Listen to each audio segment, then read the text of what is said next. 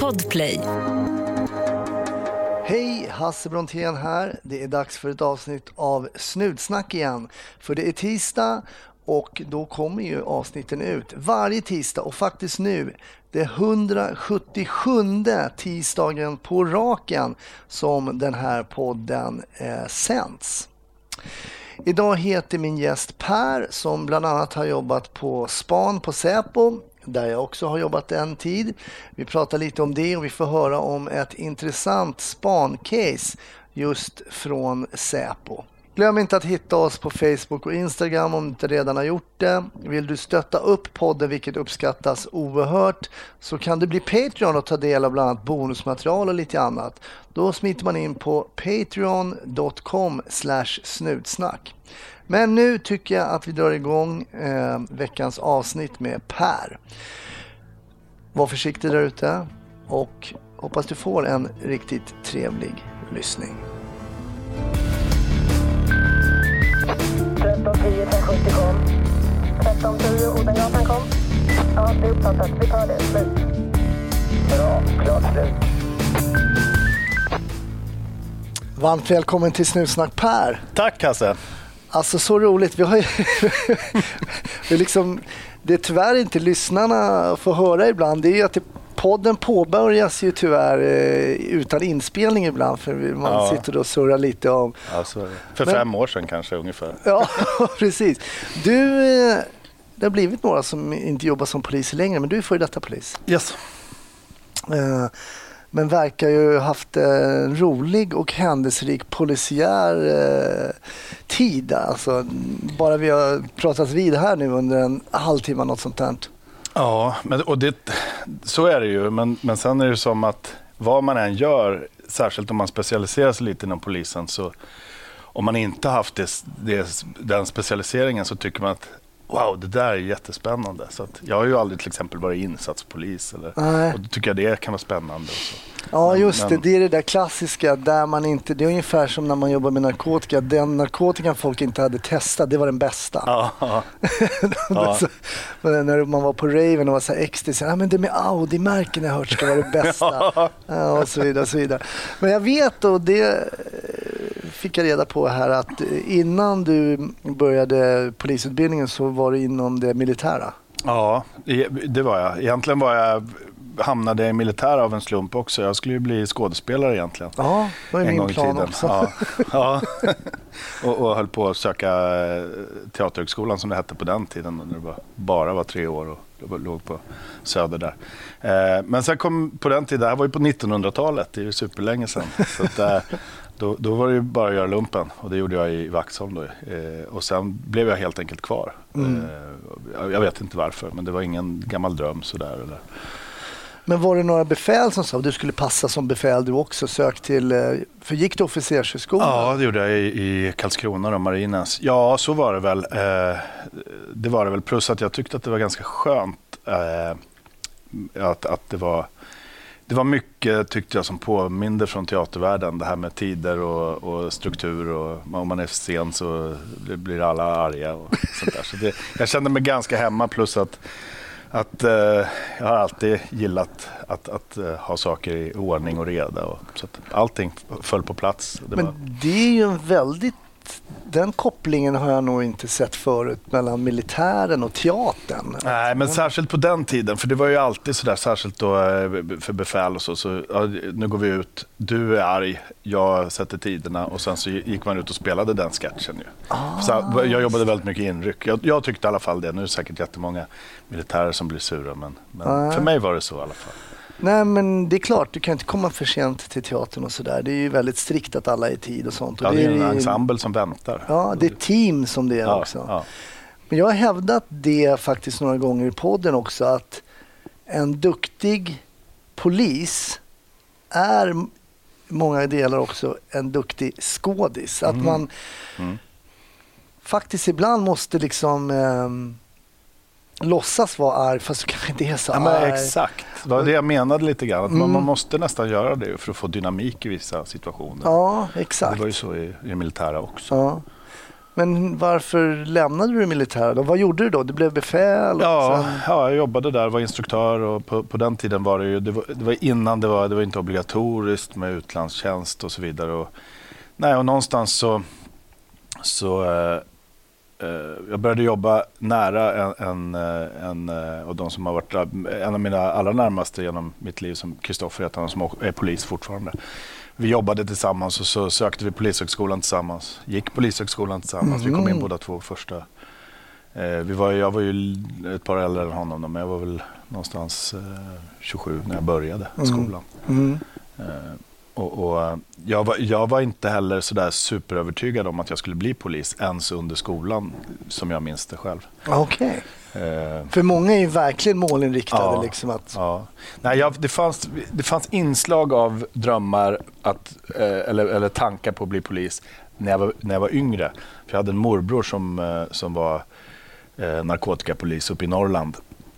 Eh, och, och också en sån här riktig karaktär som, som folk till, i, i Stockholm vet vem det är. Eller, ja, han, han är ju pensionär idag då, men Eh, och min kusin, hans son, är polis i Stockholm idag. han, eh, han, eh, det var någonting med honom som var så himla spännande och, och, och härligt. Och han var stor och stark och lugn och åt mycket. Och, så, och så, han jobbade ju civilt, så han hade ju också, det, var ju, det här var ju på 80-talet, han hade axelhölster ah, i, i, i ljust skinn, kommer jag ihåg. Ja. För jag, jag, jag minns det väl, för jag, jag fick ett av honom som, jag gick, som jag bar helt fel då med själva Eftersom jag var så liten så hade, gick jag runt med det där som, nästan som ett koppel. Istället för runt skuldran så hade jag det runt nacken.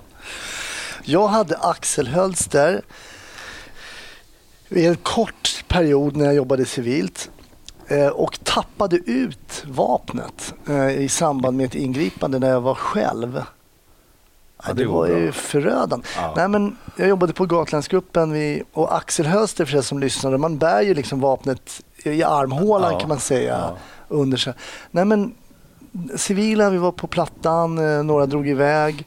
Jag hörde inte vad är de? Oxtorget hörde jag. Drog, drog upp där till Oxtorget och sen visste jag inte vad kollegorna var. Så att det var en dörr som var lite så här på glänt. Så jag gick ner. Så hör jag något i det här trapphuset. Smyger ner. Det är som en sån centerpelare, så trappa som snurrar runt. Och då ser jag när jag tittar ut, då sitter det två heroinister.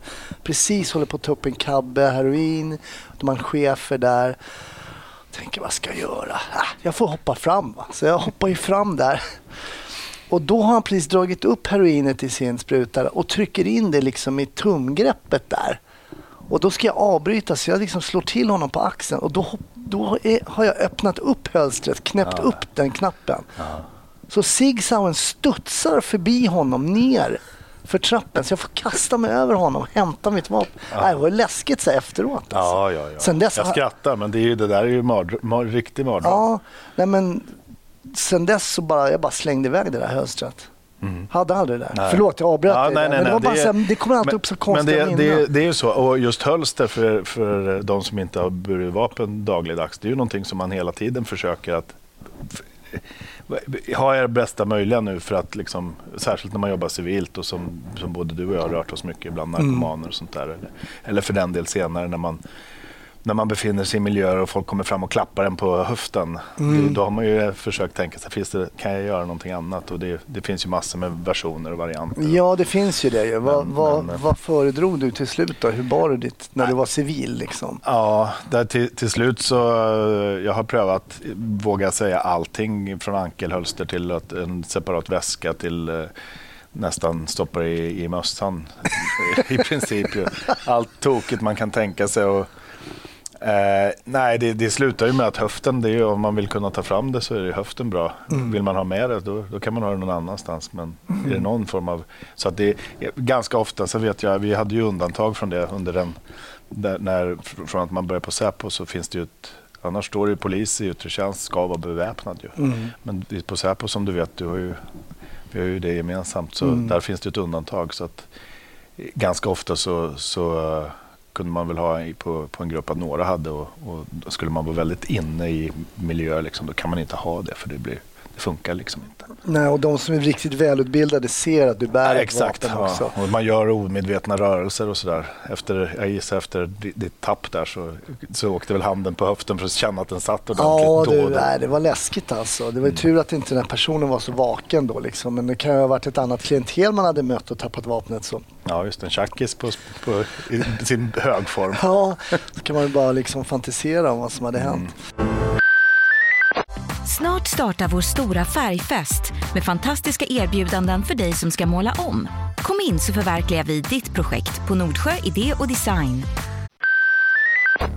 Du berättar också att du började, du var några år äldre än de som, du hade ju ändå varit i militära innan, du var lite äldre. Du sa att du var lite obstinat. Eh, Nej, men så här var det nog egentligen. Eh, att eh, jag hade ju gått i uniform, varit snaggad och eh, haft skoputsning som, som liksom paradgren i, i åtta år ungefär.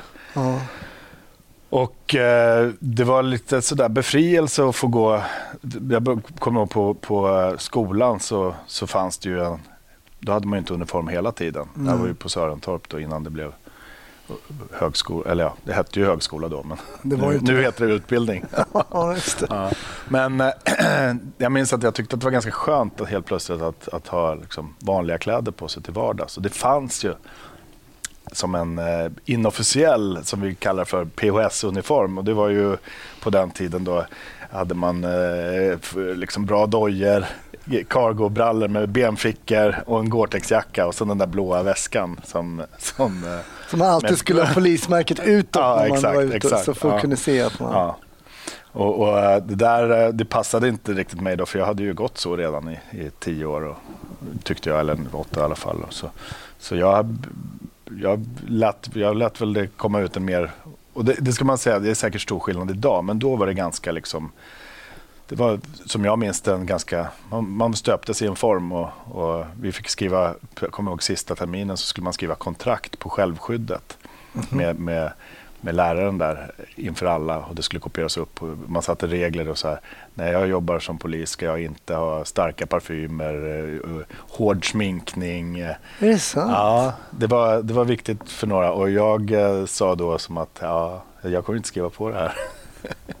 Men, och då fick jag som straff ta eh, och gå och kopiera upp det istället. Då fick jag gå bort till, till kanslibyggnaden och kopiera upp det till andra. Alla andra. Men, så, så att jag, hade väl, jag hade väl flera olika typer av frisyrer och sånt där. Men jag, jag hade lite, lite längre hår och lite skägg och sådana saker. Så. Ja. Och, och något örhänge då och då. På den, idag är det säkert... Idag, Ja, då var det lite mer ovanligt liksom. Ja. Man stack ut lite. Ja. Ja. lite tatuerad och sådär. Så. Mm. Men Du berättade en rolig historia. Vi skämtade lite om... Eh, det finns ju liksom en intern humor inom polisen lite. Man driver till exempel med hundförare, trafikpoliser och så. Vi, Mm. Och jag har haft en jag tycker man har kallat trafikpoliser för beväpnade lapplisor och Mm. det är inte alls populärt. Nej. Men du berättade när du var aspirant, tyckte det var ganska roligt innan vi började spela in. Ja. Eh, jag har ju aldrig jobbat, min farsa var ju trafikpolis, det är lite lustigt, men jag har liksom haft problem med det här. Eh, men jag kommer Ja. ihåg vi stoppade en snubbe som körde om oss, han hade någon Audi 100 vad det hette på den tiden. du Vet, och vi var ju gatulangningskillar, men du Ja. vet, han blåste om i tunneln vet, på Centralbron förbi oss där bara i 200 blås. Mm.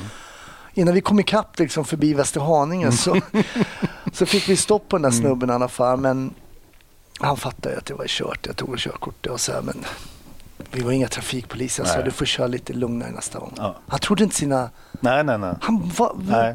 Nej, då- det, Alltså, jag, har varit med om samma historia hundra gånger känns det som. Men, och folk blir så förvånade. Men anledningen att man stoppar dem är ju lite grann för att man blir nyfiken på den bilen, den här tidpunkten, den Mm. hastigheten. Här ka- kan det finnas knark? mm. Det var väl så ni tänkte kanske? Lite Ja, man varit lite fundersam. Sen Nyfiken slår man ju såklart vet man så här, men det här verkar inte vara någon som är, alltså fanns inte i några register och Mm. sådär. Och sen när man talar med personen, han hade ju då förvisso bråttom, hade ju dåligt samvete och var ju en vettig människa. Mm. Och Jag menar, man har ju själv kört för fort några gånger. Mm. Eh, när man inte har varit i tjänst så att säga. Så, att, Mm. så för mig var det mer så här, okej nu får du liksom kanske en allvarlig tillsägelse runt för en 2000 spänn. Alltså som är värd 2000 spänn. Du behöver inte betala 2000. Mm. Nej, den, nej, ja. ja. Och sen åker man. Jag vet inte, jag tror att den kan vara ganska... Den kan sätta sig ganska bra ändå. Att liksom. Ja, det tror jag. Sen en del funkar det inte på. Men, Nej, men funkar det inte så funkar det inte. Då, då spelar inte böterna heller någon roll tror jag. Nej. Eller körkortsindragningen. Men ni stod och ni kollade någon, kanske, jag kanske också skulle haft svårt för det, men ni skulle kolla i Gamla stan eller vad var det? Ja, men det, och jag tror det var en sån grej alla som, som var ungefär i, samma omgång där, eller omgångarna, känner säkert igen det här. Men det, grejen var att jag hade, jag hade lite problem med hela, hela företeelsen från början till slut. Så att jag låg inte jag låg inte med marginal på plus om man säger redan innan den här dagen. Eh, de, just på, de, den, på den här enheten så att säga? Just på den här enheten med, med eh, då beväpnade lapplisor. Eh, utan, och, och de tyckte jag att det var konstigt, lite för långt hår, ett örhänge, hade en en dödskalle i, i ena örat och, och sådär. Eh, och, då skulle vi stå och stoppa cyklister som körde mot rött eh, när man kommer från Kungsträdgården mot, mot eh, Skeppsbron. Då. Just det, mot slottet, Eller, ja, liksom. mot slottet till ja. Mm. Eh, och en av de mer ettriga eh, eh, konstaplarna från, från enheten skulle stå på andra sidan bron och, och berätta nu kommer den, den här cyklisten och den ska rapporteras. Mm. Och så stod det då kanske, inte vet jag, var vi 15 aspiranter som skulle dra in då på, på eh, de som blir stoppade och så skulle de få 500 spänn i böter och bli utskällda också. Säkert då. Det är, det är mycket den retoriken de, som jag minns det som de jobbar med. Eh, och, och eh, jag, när, jag, när vi åkte dit så satt jag en bil med, själv, kommer jag ihåg, med, med en, han jobbade också på den enheten. Eh, men jag var ganska, vi, vi hade en ganska fin öppen dialog och då sa jag så här, jag kommer, jag kommer inte kunna göra det här för att det, jag, jag, jag står inte på något sätt ovanför lagen och era bestämmelser men jag, jag kan inte göra det här. Jag kan inte leva med mig själv sen om jag ska göra någonting som jag säkert har gjort dagligen själv. Nej, sa han då, men du måste göra det här för att annars kommer du, du, du kommer nog bli underkänd på den här kursen och, och antingen så kan du inte bli polis eller så får du gå om den här kursen.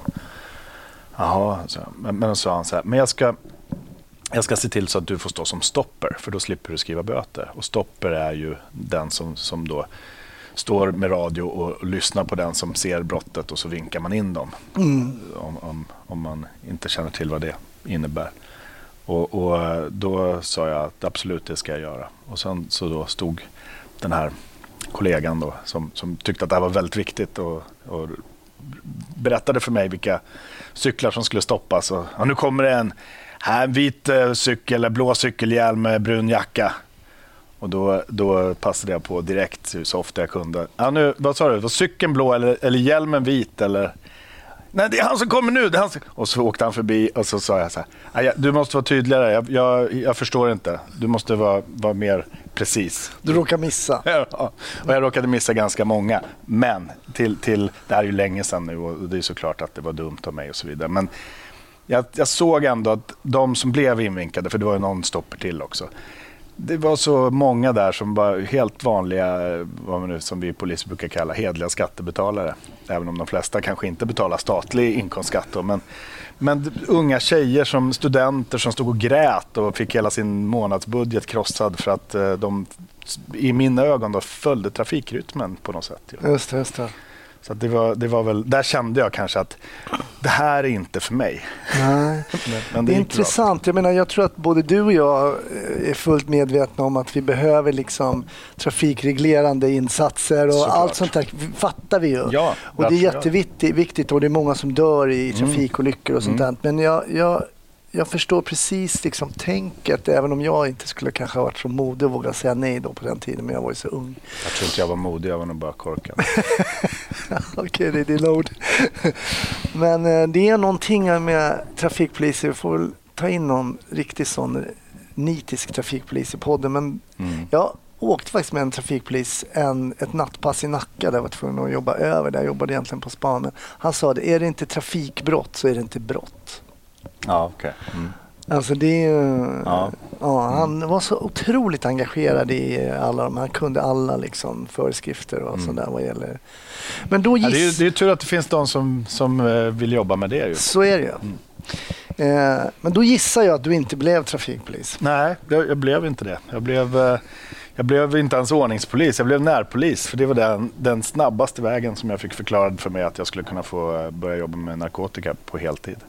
För det var det som du hade i åtanke. Ja, redan på, på skolan så, så träffade jag några under de, de blocken då när man höll på med narkotika, tongivande personer som gjorde starkt intryck på mig med, med Eh, och tänkte det, det är det här jag vill jobba med. Mm. David bland annat som du säkert har jobbat Just med. det, på Borkel, radio. ja. Mm, han har varit gäst också.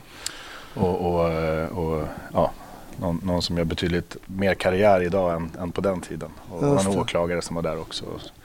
Vad var det som lockade med det där då, att liksom jobba med narkotika? Ja, men det var nog det här att det, det, det är riktiga liksom, det, är- det är lagöverträdelser som, man kan, som jag kan stå för att, att jobba mot. Och plus att jag tyckte nog att det var väldigt spännande. Jag kommer ihåg min morbror då också att man kan gå runt med, med solglasögon, en cigg i mungipan och, och, och snacka liksom. Med, med. Och sen så måste jag säga att när när det väl började så det är ju, det, det, det känner du säkert igen, det är väldigt mycket härliga liksom, möten och dialoger. Även om man är på olika sidor, eller var i alla fall då. Ja. För det var, ju, det var ju det som var Älskar grejen. Att få snacka med en tjackis eller att få, få prata. Det, var ju, det är ju så man lär sig om narkotika, det är ju att prata med missbrukare. Mm. Sen var det många som tyckte att, att kanske både ni på rave och jag var på krog ett tag att, att man bara höll på att pissa av folk hela tiden. Men det, det var ju också för att skapa ett tryck och, och gå, liksom driva sig vidare mot de där, där inflöden och sådana saker. Mm. Plus att jag tror att båda, båda de enheterna gjorde otroligt stora insatser för att det, det faktiskt finns, det finns en, en betydlig risk att, eller betydande risk att, att bli tagen, Mm. även om man, man drogar.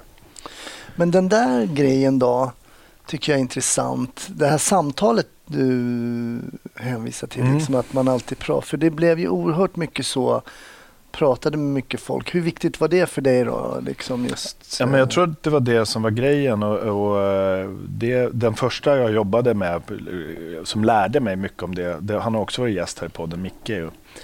Eh, och han, eh, ja, men det var, man måste inte som polis gå fram och hur var det här då? Här finns inget, alltså det här myndiga, utan man Nej. kan också bara vara vara människa och prata med, med andra människor som har av olika skäl hamnat i, i situationer. Och, Mm. och, och, ja, det, det var nog det. Jag har, alltså de tillfällen när det var slagsmål och fighter, de, de är ganska få i, under den tiden som jag jobbade på heltid med narkotika, vill jag säga. Mm.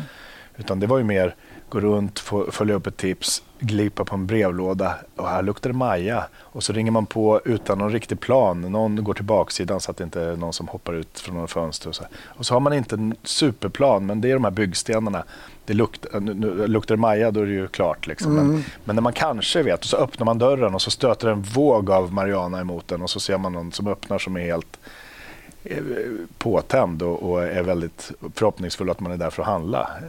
Eh, Och så säger man bara, ja, då har man tänkt ut någon historia hur man ska liksom bygga misstanken, men det är redan klart när dörren öppnas.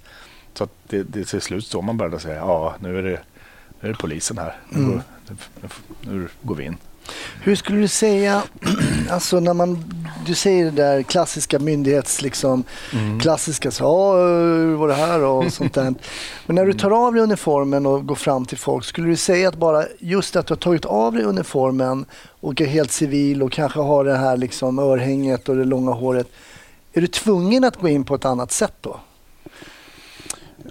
Ja, så kan det säkert vara. Sen så var väl det liksom inte ett, ett, ett skådespelat sätt mer, utan där, jag, jag var nog den jag var. Men det är klart att det du, det du pratar om är ju, jag har ju också varit med om att försöka ta in en, en eh, narkoman i ett trapphus för att kroppa och kolla av liksom. Mm, visitera Ja, liksom. precis. Eh, tillsammans med en annan kollega som, som där jag såg ut att vara den välvårdade. Och vi blir inte insläppta av en mamma med barnvagn fast vi visar polislägg. Ja, jag har varit med. Ja, ja, du hade ju också långt hår. Ja. Ja, men, men, och, och då blir det liksom hon drar i dörren och vi drar i dörren och visar polislegitimation och hon skakar på huvudet och drar igen den. Men då har du på något sätt, det blir en förlust i, i, i, i, situationen i sig eftersom du inte kan genomföra det just där. Men Ja. det är en vinst för din cover på något sätt. ja, så kan det väl vara. Sen var väl det på, då på Södermalm så det, det var väl ingen superhård cover. Där drar ett mig, där drar de i dörren, igen dörren för alla. Ja, precis, precis. Nej, men det var, väl inte, det var väl inte helt okänt. Där kände man ju många Ja, av just det. de liksom Ja. missbrukarna och de här trasiga själarna som behövde snatta oxfilé och, och sälja på pizzerior för att få ihop till nästa Mm. sprutar och sånt där. Men, men, eh, men jag, då fick, under den här tiden så var jag också, hjälpte jag till lite då och då på Plattan-gruppen och då genom att bara vara där och, och, och spela narkomaner på Plattan helt enkelt. Och, Hur gjorde du då? då? Alltså, det hade du väl ingen officiell utbildning för så att säga? Nej, och det här var ju, på, det var, det var ju liksom, mycket var ju oreglerat. Det här var ju innan, innan uh, ja, caset som går, som går en dokumentär om på tv nu rullade upp. Och det var liksom, Vilket case tänker du på då? ja, men med Tage och Olle och just och just Peter infiltratören Esse. och det här. Mm. Eh, det hade väl precis liksom uppdagats men det var fortfarande väldigt mycket oreglerat och det fanns offensiva gruppchefer som, som hänvisade till särskilda spaningsmetoder och det hade prövats lite grann med provokativa åtgärder.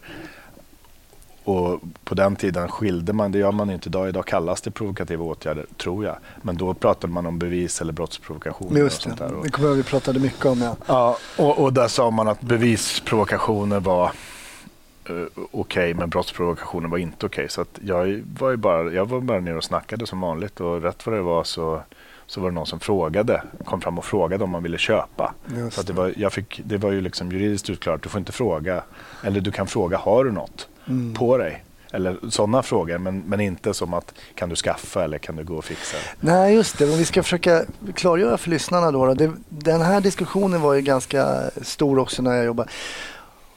Och det var ju då man pratade just om att du fick inte fråga sig, har du, eh, kan du sälja mig narkotika? För då kommer du att Mm. framkalla en handling som den här personen då inte skulle ha be- Kanske inte skulle ha gjort. Och där, precis, och då kanske om man jobbade med det här så känns det, men vadå, det här är en handling som den här personen gör hela tiden. Det är inte så att jag tar fram något nytt ur den här Nej. personen. Men man kunde heller inte göra så här till exempel att eh, en person kommer fram till dig och säger, men vill du köpa? Ja, då har inte du provocerat nej, någonting. nej, nej, nej. Då så här, ja jag vill köpa. Ja men jag har, låt säga, jag har 10 gram heroin. Nej, så jag vill köpa ett halvt kilo. Ja, då ska vi koppla in en ny kille. Mm. Och då har du provocerat Ja, ett exakt. brott som då inte skulle ha Mm. begåtts. Eller till och med om man förvarar narkotikan på en annan plats. Just det. Så, så, Skulle det så, också så kunna skulle vara. det kunna vara. Så att det var väldigt viktigt att de hade, de hade det här på sig då, Mm. helt enkelt. Just det, så det är lite, lite då kortfattat då. Så bevisprovokation helt enkelt. Någon kommer fram frågar. Eh, vill du köpa mig? Ja, säger du. Och då har du inte gjort någonting. Nej. Liksom, utan den personen har tagit sitt e- ett eget initiativ Ja. att begå det här brottet. Men Ja. du får inte provocera fram ytterligare brottslighet. Nej, utan då är väl motfrågan är väl så här, vad, vad har du och hur mycket har du på dig? För jag är lite nojig, jag vill inte liksom gå härifrån. Utan vi kan gå Just runt hörnet. Men... Har du några sådana situationer du var med om när folk kom fram? Då? Ja, det var ganska vanligt eh, faktiskt. Jag kommer ihåg att jag för att lära mig tugget lite så sto- stod jag ofta utanför eh, central... Eh, men då, då, eh, alltså utanför centralen på den tiden var det en Mm. ganska stor handelsplats. Men där var det mest, stod man där stilla ett tag, då, då var det många som kom fram. Så Mm. där lärde jag väl mig hur man, hur man frågar. Mm. Och då, ja, du vet ju själv, många Mm. versioner på hur det går till. Så liksom där, det där är inget man lär sig på polisskolan menar du? nej, nej, det, det, där, där är det mer av RPS godkända grepp och Men- nedläggningar. Hur, hur intressant tyckte du det här var då? Det här folk kommer Ja, fram och jag tyckte det var jättespännande och det ena ledde till det andra och det slutade väl egentligen eh, eh, med att det blir mer och mer och större och större egentligen. Men det är ju som du sa på den tiden, det var ju också väldigt mycket, jag kommer ihåg att det fanns rättsfall och det var någon motorcykel på Sveavägen. Och hur, huruvida det var en provokation att låta ställa en olåst motorcykel eller inte. När man Just det, precis. Ja, någon? Harley. Ja, va? ja, Harley precis, Davidson, precis. ja. Just att det men att det skulle vara provokation tycker man att, för, för er lyssnare då, det var ju nämligen så att man ställde ut en Harley Davidson Mm. Som ju var en eftertraktad, i vissa kretsar väldigt eftertraktad. Oh my god, nu spränger de här. Ja, jag tror det är en byggarbetsplats i alla fall. Så vi får, Ehm, och sen kom de ju mycket riktigt och försökte stjäla den där då. Mm. Och då blev det någon form av brottsprovokation då? Ja, eller? jag, jag minns faktiskt inte, men jag vet att det var otroligt mycket snack om och det, det blev hela till slut avdömt att det här får, vi, vi gör ingenting egentligen. Nej. Så att, Så ställa ut en motorcykel det kan ändå vara tveksamt enligt svensk, lagstiftning. Det är intressant bara liksom Ja. att det är så. Men okej, knark, men jag vet att du, det, det liksom spann vidare här och du, eh, som du säger, det blev större och större och du blev engagerad i liksom andra, du, du fick också lite hot riktade mot dig och senare. Ja, ja men det, och det är väl, eh, idag är väl det supervanligt, men, men då var det ju inte det. Mm. Men, men eh, ja, det, det, det var en vanlig narkotikapoliskarriär i alla fall och jag har jobbat, haft väldigt kul med många av, av vi har ju mycket gemensamma vänner och Ja, det var framförallt väldigt roligt. Eh, hände och- mycket i den och, världen. Och det var ganska... Så länge man hade med narkomaner att göra bara så var det ganska... Du vet, de kunde komma... Förlåt för igår. Det var inte meningen att bråka. Och, eller, eller, ja, de var ju uppfostrade också av en helt annan generation poliser. De här lite äldre, framförallt tjackisarna. Som, Mm. När man frågar, har, när man skulle visitera dem så frågar man har du någonting? Det, det, det får man ju däremot lära sig på skolan. Det är väldigt viktigt. Har du någonting fast på dig? Så man kan sticka Som med man kan sticka mig på. Nej, nej. Och så börjar man visitera dem. Vänta, vänta, vänta, vänta. Jag har det. Förlåt, förlåt, jag glömde bort. Och, så, och så hade de någonting. För de var livrädda för att man skulle hitta något som de inte hade berättat om. För då visste de att, i alla fall då förr, då blev det stryk. Jag hittade en eh, kanyl i ett rock, alltså uppe i slaget på rocken Ja. hos en kille.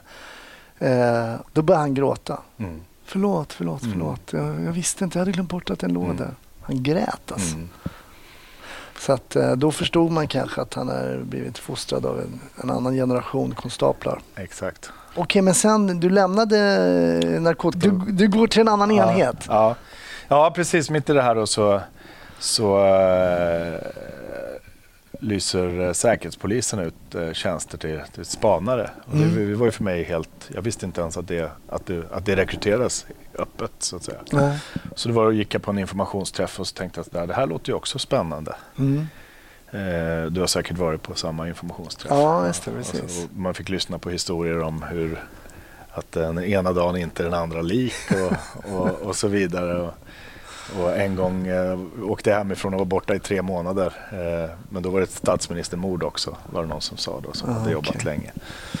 Eh, men nej, så att jag, det sökte jag och blev antagen till eh, grundutbildning och, och sen blev jag kvar på Säkerhetspolisen i, i fram tills, till min pension, eller på att säga, men tills att jag slutade. Mm.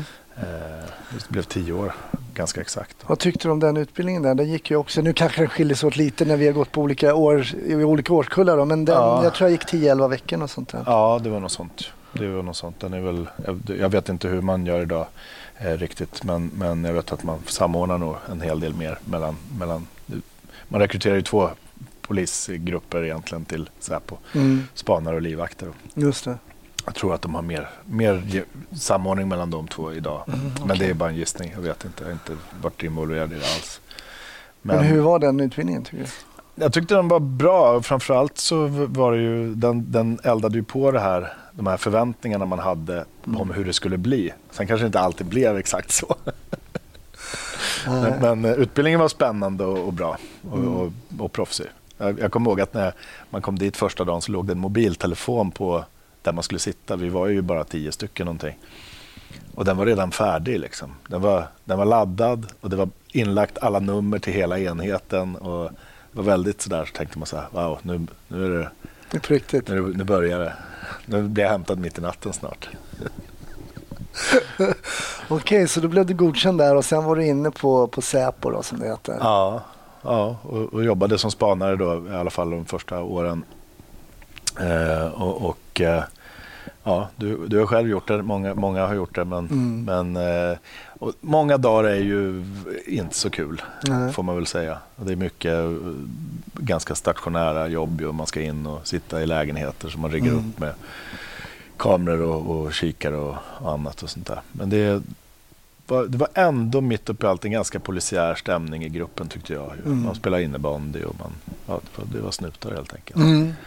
Ändå ju. Eh, även om de sa att man skulle avprogrammeras under, under utbildningen och sluta ta ögonkontakt det första man gör när man kommer in i ett rum. Och Ja, just det. Ja. För det skulle ju vara så liksom icke-polisiär som möjligt då. ja, man skulle vara ingenting helst ju. Nej, just det. Ja. Men eh, nej, så det, det, det var en fin tid och där, jag kommer ihåg, särskilt kommer jag ihåg en, en, ett tillfälle när vi hade inte jobbat jättelänge. Jag satt med en kille, han har slutat idag också, Thomas heter han. Eh, vi satt en bit bort, någon mil bort från, från den vi spanade på. Det var ju det var ju så som du vet det är upplagt då, att någon, någon sitter och har spik och sen så finns det lite folk runt omkring som täcker upp och sen så Mm. kanske man har lite mer personal en bit bort då, som är beredd. Och, och det här var en, en varm, varm sommardag och eh, vi hade med oss brassestolar i bagageluckan. Så vi, vi, satt, vi hade tagit av oss och satt, eh, satt någon mil bort i något grönområde med, med bara överkropp och njöt Sola livets dagar. ja, precis. Och så eh, hade väl, eh, och jag, jag- om jag inte minns fel så, ja det spelar ingen roll, men jag tror det var en lördag till och med. Och så ringer telefonen, då är det min gruppchef. Och man hör ju på rösten när det, om det är ett socialt samtal eller om det är allvar. Det är intressant. Ja, det är intressant. Man, hör hör det nästan- direkt. Alltså. in, innan orden har börjat så hör man liksom på inandningen nästan att, och han sa börja köra E4 söderut nu och fort. Så det var bara att hoppa in. Både, vi visste ju ingenting. Vi bara hoppade in i bilarna och började gasa. Ja. Och vi satt i en, en, en, en förort till Stockholm då, på den här, det här.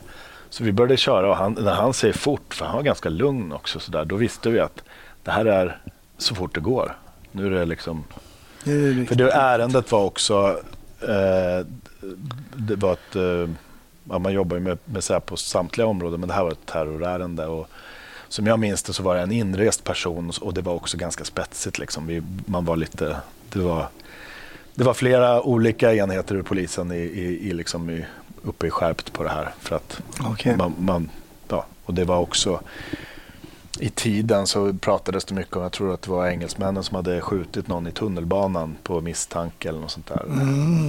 Eh, Så att det, det var liksom ändå lite på allvar, den nerven fanns.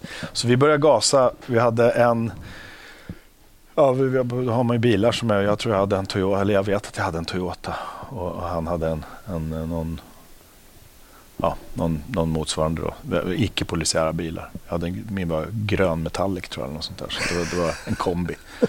Så vi började gasa och det var, det var inte så tät trafik så vi kunde ligga på, min gick i, precis, mätaren stod precis under 200 i alla fall när man, när man låg och tryckte. Och då var det trotten i topp. Liksom. Ja, och då var det där fanns ju inga blåljus. Så det här var ju bilar som inte var, de var helt eh, liksom, reggade civilt och så där. Det fanns ingen koppling till polisen. Ja. Vi, så vi började väl köra så fort vi kunde då, helt enkelt.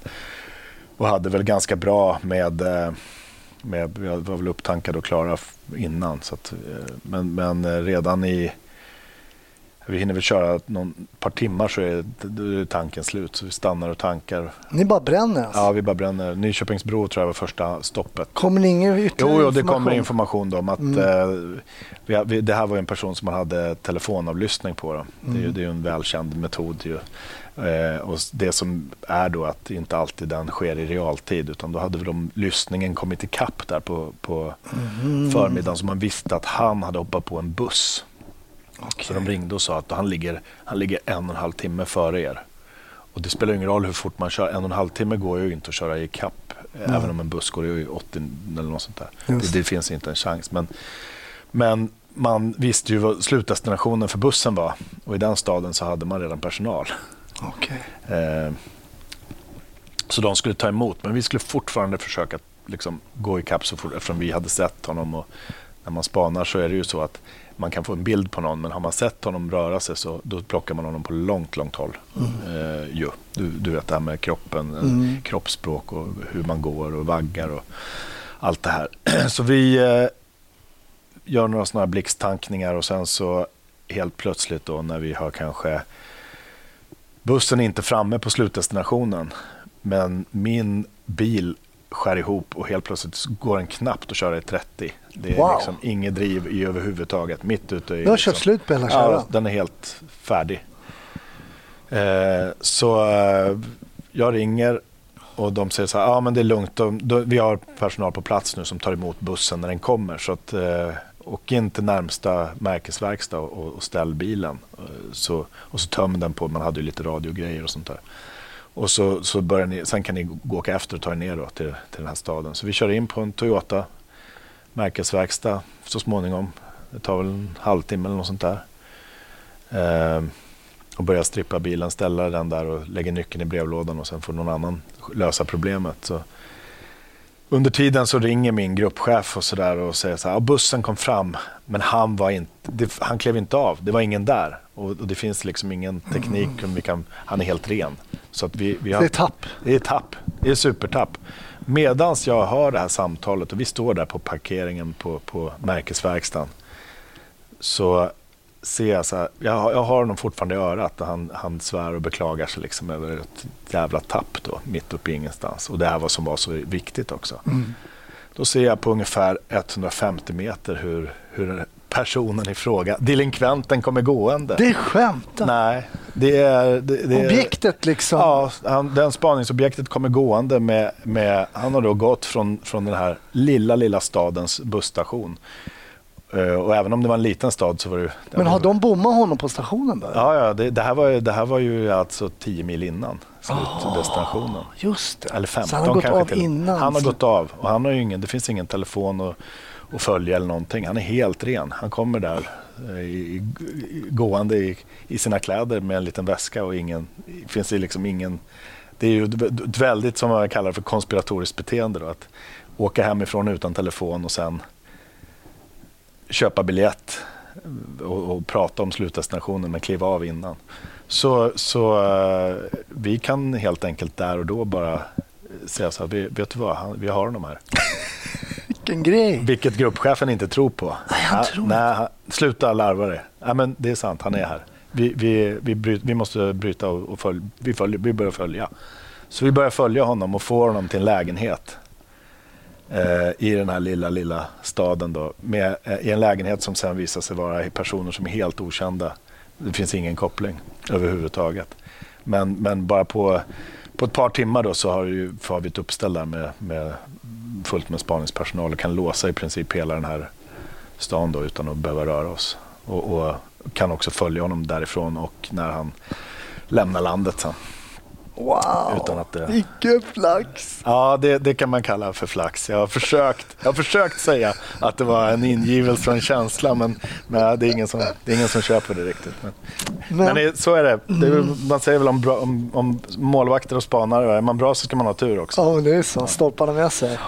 Men vilken grej alltså. Men jag har varit med om liknande grejer när man då, då har tapp. Liksom. Men sen så är man på något sätt i flödet och kanske i liksom i forsens, eh, så att säga, i vattnet fortfarande. Mm. man inte mm. Jag vet inte hur man ska beskriva ja. det på något sätt. Men... Ja, men jag, tycker det, jag känner igen det och det, ofta är det så här, tappar man någon så stannar man bara där man tappade honom så dyker han upp. Så kan ofta. det vara. Mm. För att vi är ju, de flesta av oss rör sig ju exakt i samma banor mm. hela tiden och gör vi någonting så kommer vi ofta tillbaka samma väg som vi kom. Ju. Det så det här blev liksom eh, det här var ju oerhört viktigt då egentligen. Ja, det var det. Vi kunde upp... lämna över honom då till en, till en, eh, en grannmyndighet, eller ja, ja. En, en säkerhetstjänst i ett grannland. Så att säga. Ah. Så att, så att de for, kunde fortsätta då. Så ni kunde ta honom till en flygplats eller ja, någonting? Ja. Och, eller tåg? Ja, mm. just det. Ja, där ser man. äh, men men det, är väl, det är väl så med, som med allt i livet. Ibland så är det ett bananskal som man eh, slidar in på. Ja. Kanske en tjänst man får eller ja. någonting. Mm. eller en roll. eller en roll i någonting. Nej men så är ja. det ju. Va? Ja.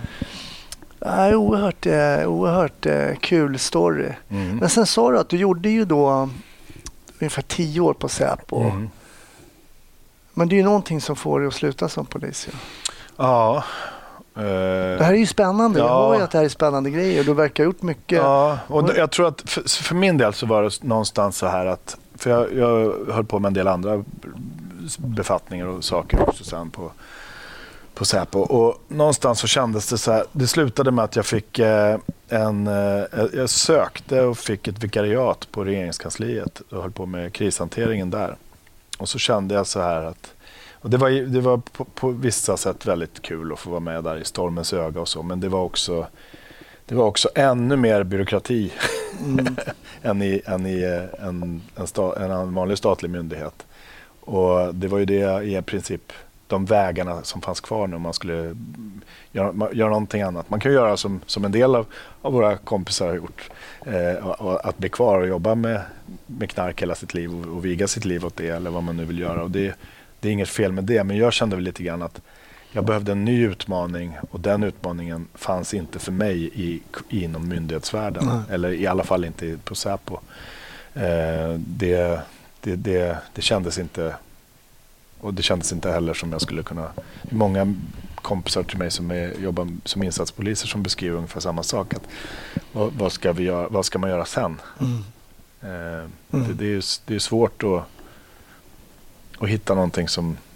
Om man inte vill bli byråkrat. Då. Vilket, vilket ju är precis som allt annat är jättebra att det finns de som vill göra det eller bli, bli chefer. Och, och, men det, då blir man ju administratör till mångt och mycket och Mm. utvecklingssamtal Mm. och sådana saker. Men vad gör du idag då? Idag gör jag som, som de flesta av, av våra gamla kollegor. Jag jobbar med, i, har ett eget säkerhetsbolag ihop med en, en annan av dina gäster här. Ja, just det. Ja. Du glömde fråga honom om hans eh, Film... eh, polisiära favoritfilm. Just Svenska det. film. Ha, vet du, kan du återberätta vad han har för någon? Eller? Ja, det kan jag. Med då reservation för att det, han eh, kanske inte håller med. Ah, Men, okej. men nej, vi pratade som hastigast idag. Ja. Och då sa, jag så här, vad är, vad är din film då? För Hasse sa att du, du glömde det. Eller han glömde det. Ja, jag glömde Det var du faktiskt som glömde det. Ja, det är Ja. jag. Ja, det är jag. Det inget, Nej, ingen då skugga ska falla på då honom. sa han så här, äh, säg bodyguard. Just det, för, vi, för gästen är då Mats och eh, han har jobbat som livvakt. Ja.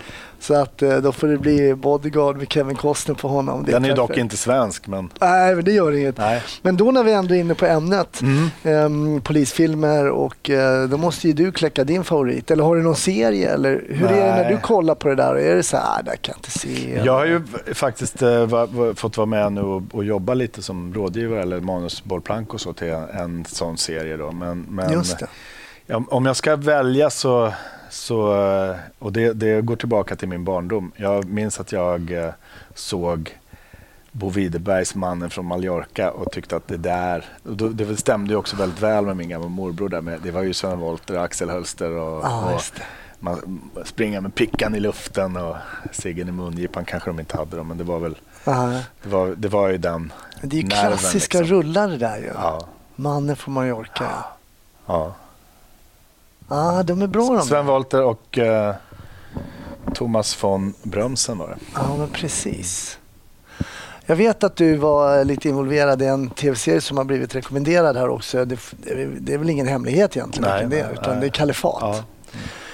Men när man går in som rådgivare så där i film och då får man, styr du upp liksom hur poliserna ska bete sig? Eller hur? Nej, i det här fallet så i det här fallet så handlade det om att egentligen att eh,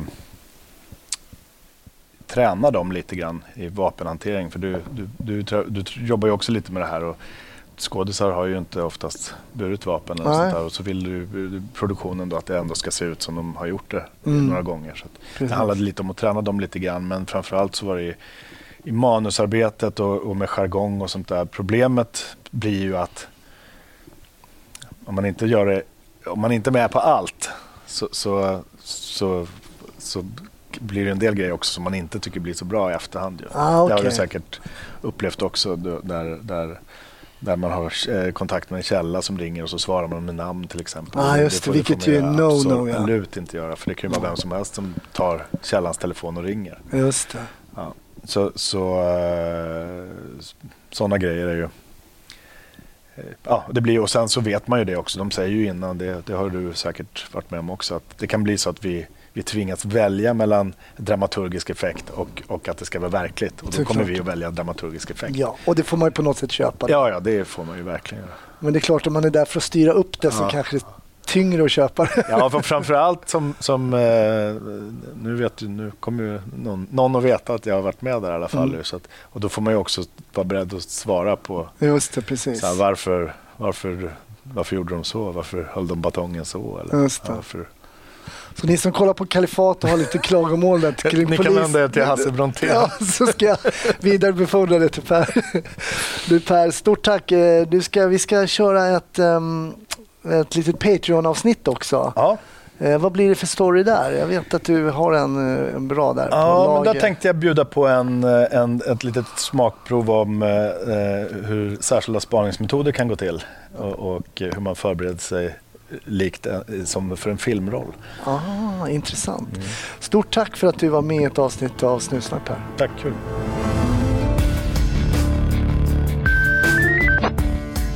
Stort tack för att du har lyssnat på podden Snutsnack med mig, Hasse Brontén. Nästa vecka kommer det ett nytt avsnitt. Under tiden kan du följa oss på Facebook och Instagram. Vill du bli Patreon och ta del av lite bonusmaterial så gör du det på patreon.com snutsnack. Annars så hoppas vi hörs i nästa vecka. Ha det fint till dess. Hej då!